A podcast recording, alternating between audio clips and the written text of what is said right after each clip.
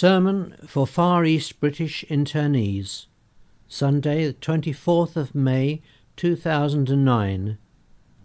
The sermon was originally delivered by the rector, the Reverend Peter Mullen, at St Michael's, Cornhill, London, and read here by Acclivity for purposes of clarity.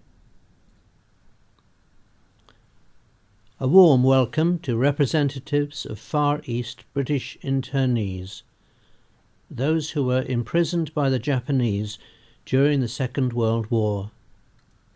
This morning we shall bless and dedicate a book of remembrance for them.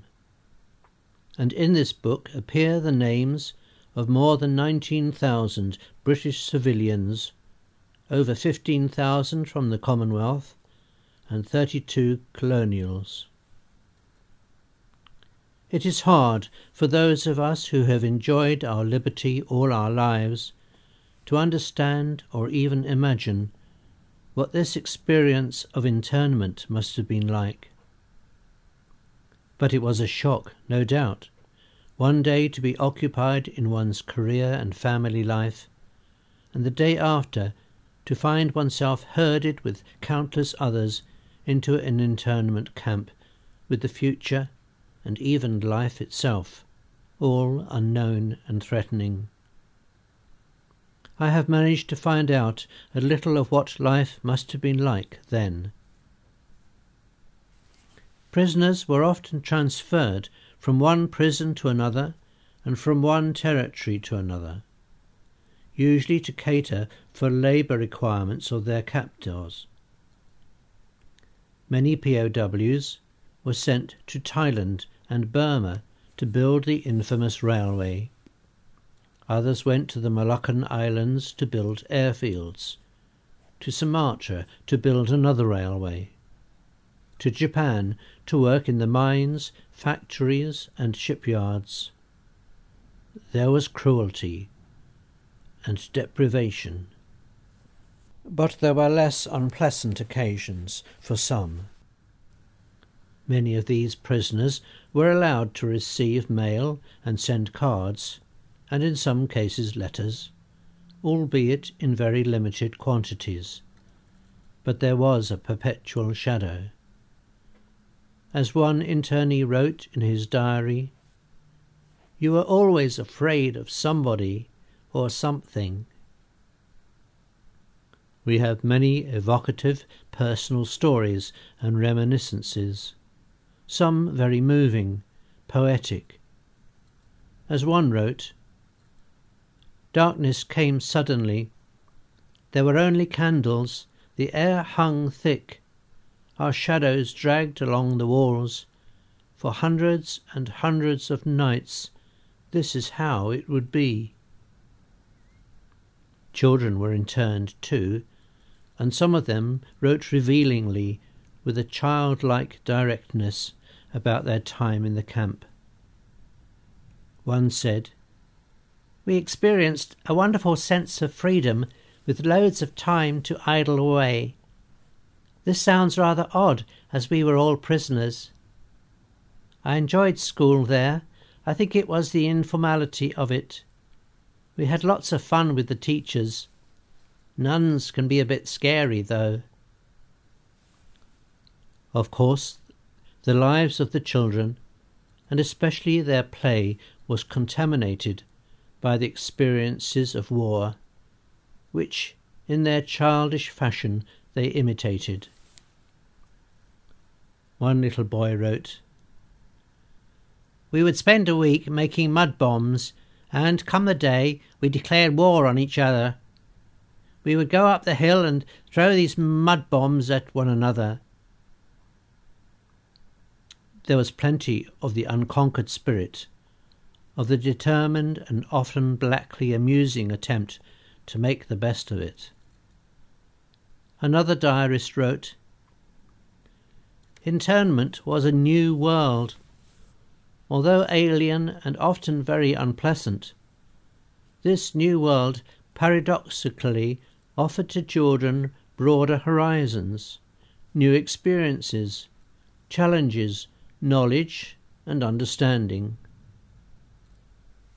The multifunctional room with limited amenities, the southern poverty, sickness, hard physical labour, responsibility, unchaperoned outdoor life, all enabled the young people to mature in ways not offered by the traditional colonial childhood.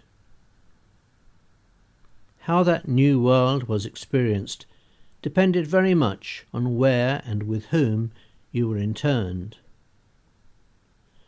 In astonishing ways, there was even fun. In one camp in 1943, there were 1,800 inmates, and more than half of them were missionaries of various sorts, including 250 Roman Catholic priests.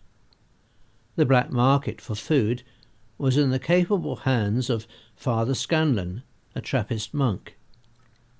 He insisted that the guards had no right to interfere with his religious observances. He told them in no uncertain terms that he needed to say his daily office, and the only suitable place was along the inside of the perimeter wall. He said his office there, with a basket concealed under his cassock, containing jewellery and money, which he surreptitiously tossed over the wall, and received eggs and other bits of food from the other side. Inevitably, he was found out and sentenced to fourteen days in solitary. But the jail happened to be next to the camp commandant's house, and after enduring three days of Father Scanlan reading his office at the top of his voice and singing Compline in Latin, they let him out. Ingenuity abounded. 1,200 internees at Putang, using only their bare hands, made themselves a football pitch and a vegetable garden. Others made a stained glass window for their chapel, which included the royal arms, except that they made the lion's face that of Winston Churchill, complete with cigar. Apparently, the Ritz of all the camps was in Bangkok, where the guards were the Thai army. The camp commandant was a Sandhurst graduate, and he provided the internees food from the Thai State Railway's first class kitchen. After liberation, a party was put on for 220 children in HMS Belfast. Sixty years later, this party was repeated for the same number with the same menu. I wonder what we can learn from the experiences of those internees. Surely one thing we discover is that it is not our triumphs which mature and deepen our character, but how we react to adversity. Inspiringly, these very adversities led often to the triumph of the Spirit in the face of the most appalling privations, even in fear for life itself. One internee survived to tell of a most moving occasion. Once, and against explicit rules forbidding large gatherings, some of us organized a symphony concert. The Japanese guards approached shouting and screaming and waving their bayonets.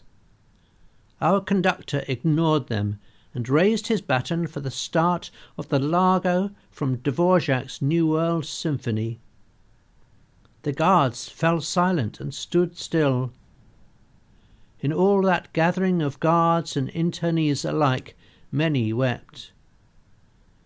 None of us expected such astonishing and defiant beauty amid the hunger, the bed bugs, rats, filth, and sporadic cruelty. Let us thank God for what the internees endured and transformed. Their courage and undefeatedness is a strength to us all.